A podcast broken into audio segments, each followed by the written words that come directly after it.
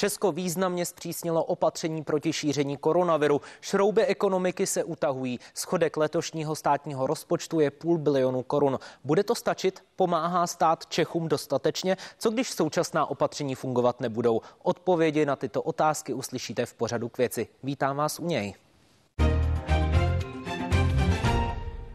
Mým dnešním hostem je vicepremiérka a ministrině financí Alena Šilerová. Paní ministrině, dobrý den. Dobrý den, děkuji za pozvání. Paní ministrně, už druhým dnem platí v České republice eh, zpřísněná opatření. Ehm, jaké jsou vaše první zkušenosti? Tak moje osobní, jestli myslíte, nebo z reakce osobní, od lidí. Osobní. Moje osobní zkušenosti jsou eh, v podstatě neměné. Já eh, de facto neznám jinou cestu než do práce a nebo potom do bytu. Změna bude v tom, že nepojedu ty tři týdny do Brna za svou rodinou, zůstanu tady v Praze, tak jsem se rozhodla, tak jsem si to vybrala, budu věnovat se e, i přes ten víkend práci, takže to je asi moje osobní zkušenost. Nějaká žádná velká změna pro mě. Jaké vy konkrétně máte reakce právě od lidí, od veřejnosti? Samozřejmě rozporuplné. Dostávám velkou řadu negativních reakcí, lidé jsou frustrovaní, já se jim nedivím, trvá to už rok a trvá to velmi dlouho. Dostávám i reakce takové, že to lidé chápou a vyjadřují tomu podporu. Je to skutečně různé. Já vím, že je to velmi těžké a já bych moc prosila eh, občany, aby to ještě vydrželi. Podle vicepremiéra Jana Hamáčka se za tři týdny dostaneme na stejná čísla pozitivních případů, jako jsme teď. Eh, to není zrovna moc velké světlo na konci tunelu. Tak já nejsem epidemiolog ani odborník, já věřím těm propočtům eh, z ministerstva zdravotnictví. Uvidíme, pan minister zdravotnictví se včera vyjádřil, nebo ten minulý týden, že de facto na nějaké hodnocení je velmi brzo, že první čísla budou mít po týdnu a vůbec nějakou, eh, nějakou trajektorii vývoje budou vědět zhruba po 14 dnech ale jsou přesvědčeni, že tady těmito opatřeními by se ta čísla měla stabilizovat, minimálně neměla by růst a vlastně nastoupit tedy cestu toho, aby se snižovala, tak já tomu pevně věřím. Ale asi to nebude čas na nějaké rozvolňování. Jaké jsou tedy vládní výhledy? Co bude za tři týdny? Jaký máte plán? My si především musíme říct, jak ta opatření zafungovala. Víte, že jsme kromě těch opatření, které přijala vláda na konci minulého týdne, tak včera jsme přistoupili k velmi, jako první v Evropě, předesílám, k povinnému testování ve firmách, které se spustí už pro firmy na 250 zaměstnanců teď od středy tohoto týdne a pro firmy od vlastně 50 do 249 zaměstnanců se spustí od pátku, budou na to mít vždycky 7 dní, jedenkrát týdně minimálně budou muset testovat, což si o toho si slibujeme také významný posun. No a pak prostě postupně eh, musí zejména to světlo na konci tunelu, a to je eh, bezpečně nejdůležitější, musí se prostě očkovat, očkovat, očkovat. Víte, že teď se registrují lidé na 70 let, eh, registrují se lékaři, Eh, jsou v podstatě na očkování nad 80 let nebo 85, teď si nejsem úplně jistá. Eh, jsou eh, zdravotníci se očkují, je naočkováno zhruba, já jsem to číslo před chvíli vytahovala, asi 674 040 dávek a musíme dovážet vakcínu, to je pro nás nejdůležitější. A s tím spojené to povinné testování, očkování a pak můžeme uvažovat o nějaké uvolňování, ale teď samozřejmě to vůbec není na pořadu dne. A na prvním místě musí být školy. Dobře, ale nicméně za ty tři týdny asi nestihneme naočkovat tolik lidí, tak jaký je tedy výhled za tři týdny? Můžeme očekávat, že ta už teď přísná opatření budou platit i nadále? Záleží samozřejmě na vývoji. Na vývoji zejména dneska sledujeme eh, přehlcení nebo obsazení nemocnic, to je nejzásadnější, protože my si nemůžeme dovolit, aby skolabovalo zdravotnictví. To je na prvním místě.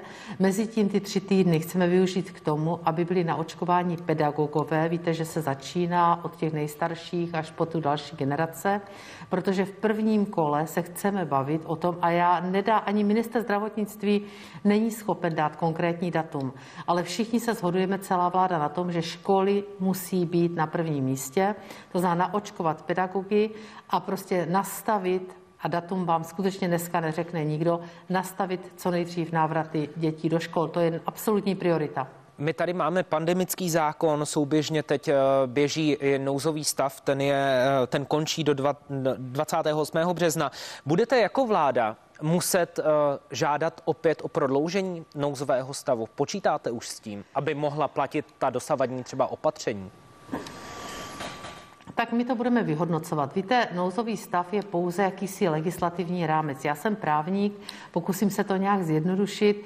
My prostě celou řadu opatření můžeme ukládat, nebo může ministerstvo zdravotnictví ukládat podle pandemického zákona z použití zákona o veřejném zdraví, ale pak jsou určitá opatření, jako je třeba zákaz zhromažďování, jako je třeba zákaz nočního vycházení, taková ta plošná velká to já tomu, opatření, tomu rozumím, která ale a počítáte ano. s tím, že by to mělo platit i za pokud ty tři týdny by, za, za měsíc?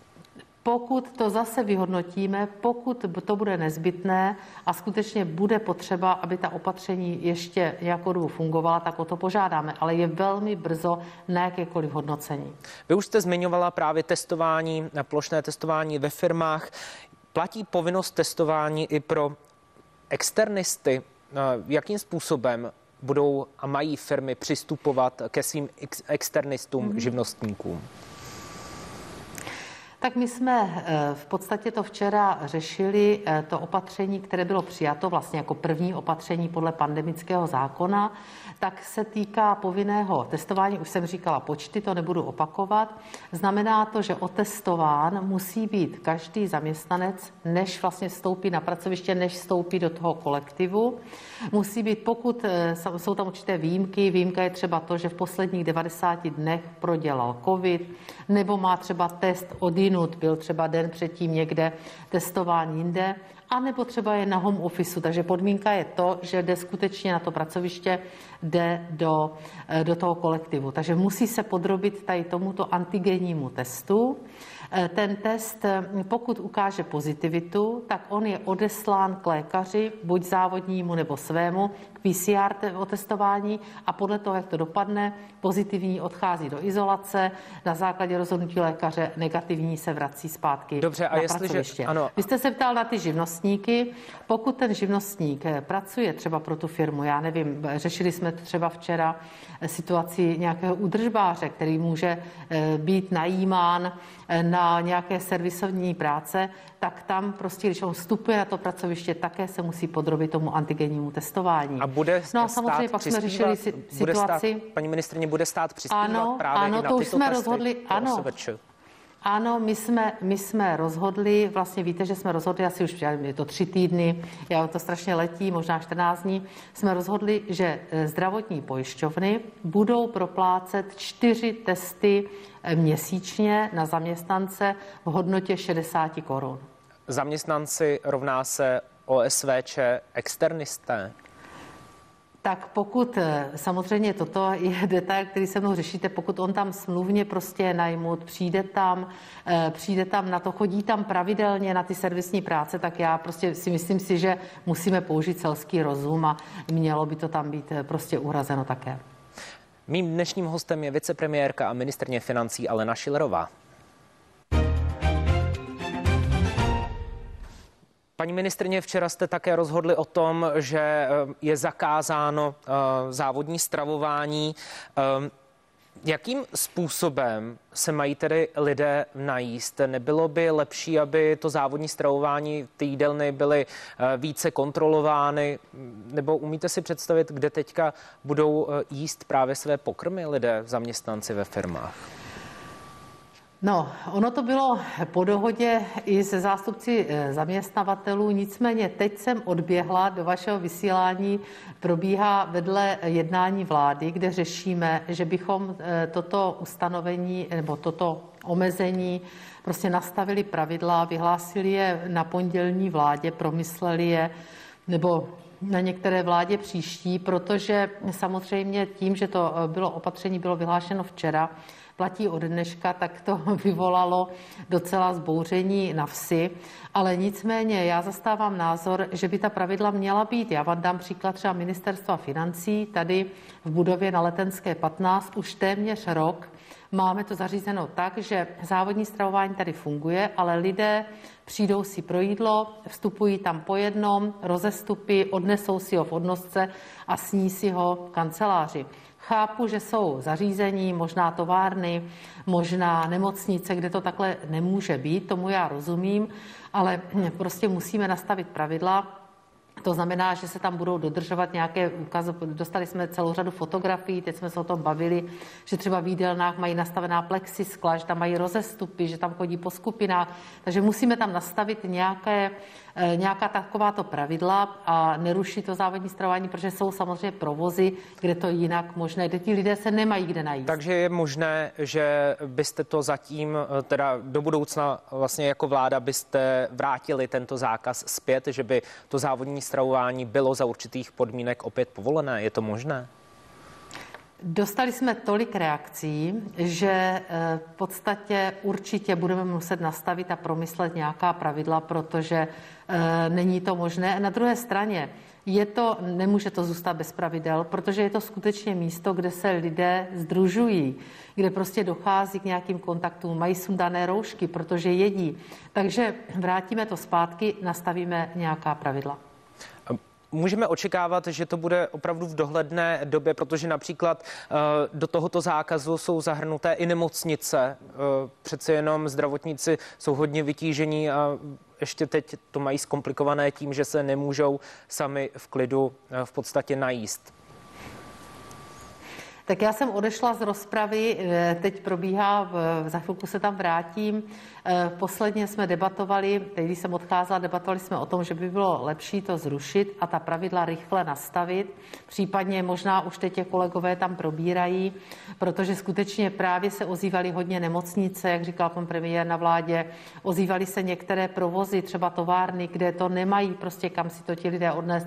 Takže teď probíhá debata o nastavení pravidel, ale umožňuje umožnění závodního stravování. Kdo s tímto návrhem vůbec přišel? To toho člověka dopředu nenapadlo, že s tím bude problém? Eh, ta debata, víte, ta debata, my jsme velmi debatovali včera náročnou debatu, to asi víte, o povinném testování. Víte, že sociální demokracie přišla i s návrhem, abychom zavřeli průmysl, zavřeli podniky, takže ty, ta debata byla poměrně náročná, několika hodinová a tento návrh tam zazněl, já fakt nebudu nikomu ho eh, dávat na čelo, ale zazněl tam i s tím, což potvrzuju, že eh, tomu byli víceméně nakloněni i zástupci zaměstnavatelů, že prostě by toto bylo možné omezit, ale eh, když to tam zaznívalo, tak jednoznačně to zaznívalo tak, že prostě ta, to jídlo by se mělo odnést sebou a tak to vlastně v tom opatření je. Nicméně dneska podle těch reakcí se ukázalo, že ta pravidla bude muset, se budou muset prostě napsat do toho opatření eh, jednoznačně výslovně. Pojďme se podívat na pomoc státu. Vláda včera schválila stoprocentně nemocenskou, vy jste ale uh, nehlasovala, zdrž, zdržela jste se. Uh, podle vás to není dostatečný nástroj pro to, aby lidé zůstali doma, aby nahlašovali své kontakty? Tak já jsem podpořila před 14 dny nebo před 14 dny. Ano, jsem podpořila ten příspěvek pro lidi v karanténě 370 korun, což je příspěvek k 60% nemocenské. Připadlo eh, mě to motivační. Nicméně ale vaši poslanci, poslanci ale zahnutí ano se zdrželi a právě proto to je o jeden hlas nakonec neprošlo ve sněmovně. To je to byla velká škoda. Teď jsme o tom debatovali dneska na klubu Ano, že to byla velká škoda, že to mělo projít. Bylo to, Senát to vrátil podle mě s kompromisním návrhem, na který, kdybych byla předkladatelka, bych okamžitě kývla. 370 prodloužil tu hlutu na 14 dní, to je v pořádku, víte, že karanténa se teď prodloužila na 14 dnů a vyhodil z toho eh, přílepek, který vlastně s tou novelou ani nesouhlasil, nesouvisel, který tam načetli poslanci za sociální demokracii. A bohužel to neprošlo, to je opravdu škoda.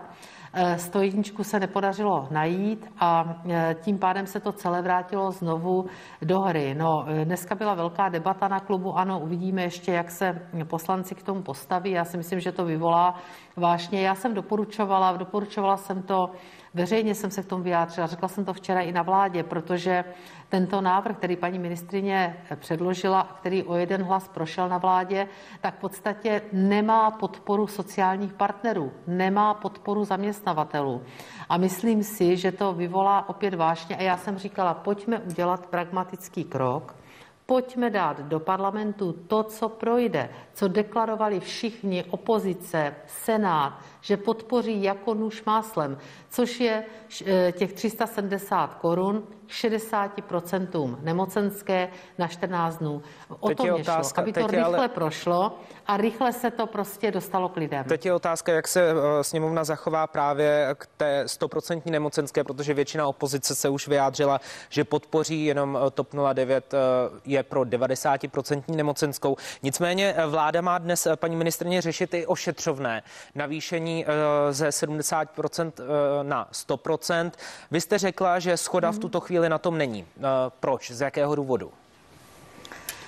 Není na tom zhoda z jednoho praktického důvodu. Já jsem víceméně to včera už řekla na vládě. Ten návrh zaprvé přišel v průběhu vlády, takže my jsme se nestihli na něho vůbec prostě skutečně kvalifikovaně připravit. Proto jsem i požádala o nějaký čas, protože jsme netušili, že to v průběhu jednání vlády přijde, které bylo velmi náročné. Pan premiér tom vyhověl a řekl, že teda se máme na to podívat a připravit připomínky. No, já ze 100% souhlasit nebudu z jednoho prostého důvodu, protože to není 100%, ale je to z takového, já na to nejsem úplně expert, ale nechávám se poučit, redukovaného základu, což znamená, že v podstatě lidé by eh, měli při těch 100% toho redukovaného vyměřovacího základu ošetřovné vyšší, než když chodí do práce. A to mně připadá opravdu demotivující. Já jsem si třeba, když bych se podívala do tabulky, kterou mi kolegové zpracovali, Co byste tak tady si představte třeba plat, navrhla, paní plat 50 tisíc,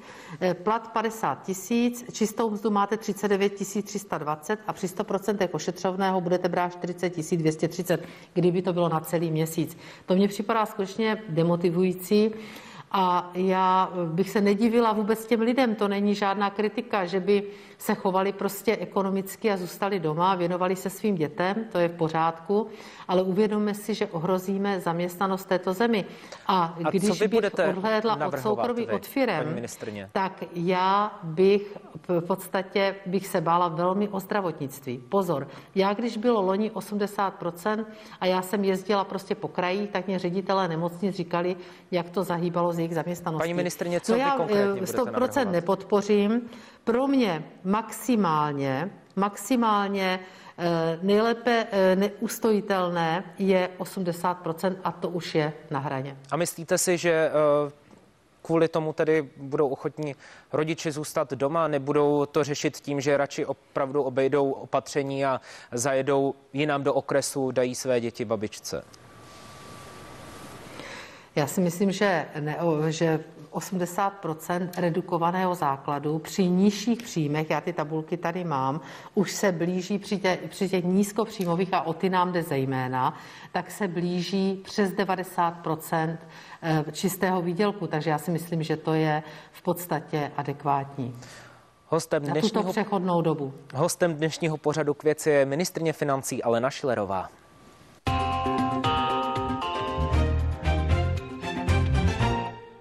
Paní ministrině, vy jste eh, údajně podle deníku N řekla prezidentovi Zemanovi, že na izolačku a podobné podpory eh, máte v rozpočtu už eh, prostředky pouze na půl roku. Co bude potom? Tak já jsem panu prezidentovi, když jsme se bavili o plnění státního rozpočtu, o novele zákona, o všech těchto věcech, on se o to vždycky velice živě zajímá, tak jsem ho upozorňovala na to, že pokud by jela vládní pomoc, v tom rozsahu, v jakém jede nyní, to znamená v podstatě kompenzační bonus, antivirus, připravuje se COVID-21, dojíždí různé ty covidové programy, další nájemné, kultura, eh, uzavřené provozy a tak dále. Pokud by to takto pořád jelo, eh, tak jak je to teď, tak peníze skutečně máme tak někdy do června tohoto roku. To znamená, já pevně věřím, že do té doby silně eh, pohneme s vakcinací, a že se podaří dostat eh, epidemii pod kontrolu, že prostě se nám podaří prostě snížit ten počet nemocných, hospitalizovaných a tak dále a že v té druhé polovině roku začneme ekonomiku, nebo ne začneme, ale budeme jako ekonomiku otevírat. Co když Takže se to, to paní ministrině, co když se to nepodaří? Jste připravená eh, jít do sněmovny s žádostí nebo s návrhem na navýšení právě schodku letošního rozpočtu? Pokud by se to nepodařilo, tak eh, já bych musela kombinovat obojí, to znamená jednak vázat výdaje jednotlivých rezortů, což teď v této krizi je velmi těžké. Já nechci prostě připravit tady um, rezorty o nějaké důležité, protože narůstají nám všude provozní výdaje u policie, u celníků, u hasičů a tak dále. A musela bych pravděpodobně zvážit i navýšení schodku, ale prostě v tuto chvíli pracuji s tím, jak to je nastaveno a snažím se maximálně využít všech zdrojů. Pokud eh, ta opatření pojedou i nadále eh, v tom rozmezí jako doteď, eh, jakou máte vy představu? Jaký schodek by mohl být? O co byste mohla žádat? Tuto chvíli je to velmi předběžné a vůbec si netroufnu ani o to spekulovat. Já budu velmi ráda, když se podaří epidemii zvládnout a začít otevírat ekonomiku. To je podle mě zásadní. A jsem i velmi ráda, že jsme nezavřeli průmysl, protože to bych si neuměla vůbec představit, že by, jak by tyto škody naše ekonomika nedozírné zvládla, protože nejde jenom o ty průmyslové podniky, ale jde o celou řadu živnostníků a malých firm, které jsou na ně navázané. Paní ministrně, schodek státního rozpočtu ke konci února stoupl na 86 miliard. Je to historické maximum. Nemrzí vás, že bude eh, tento rekord eh, navždy spojován právě s vaším jménem? Eh, já už jsem se k tomu vyjadřovala v loňském roce, když jsem předkládala, myslím, že tu poslední novelu zákona o státním rozpočtu. Řekla jsem, že vstoupím zcela určitě do historie jako ministrině financí, nejen jako první žena, ale i jako minister financí s největšími schodky, ale že s tím umím žít že bych neuměla naopak žít s tím, že jsme lidem, firmám a ekonomice této země nepomohli.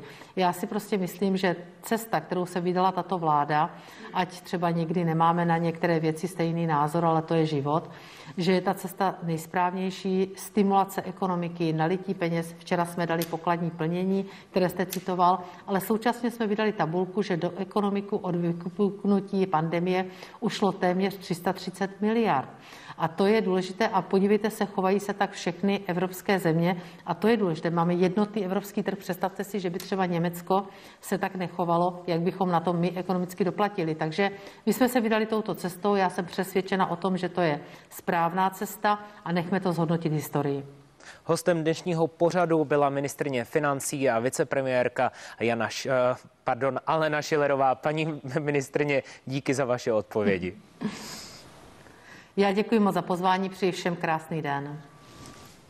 Více otázek ani odpovědí už v pořadu k věci neuslyšíte. Těším se na vás opět u dalšího vysílání CNN Prima News. Na viděnou.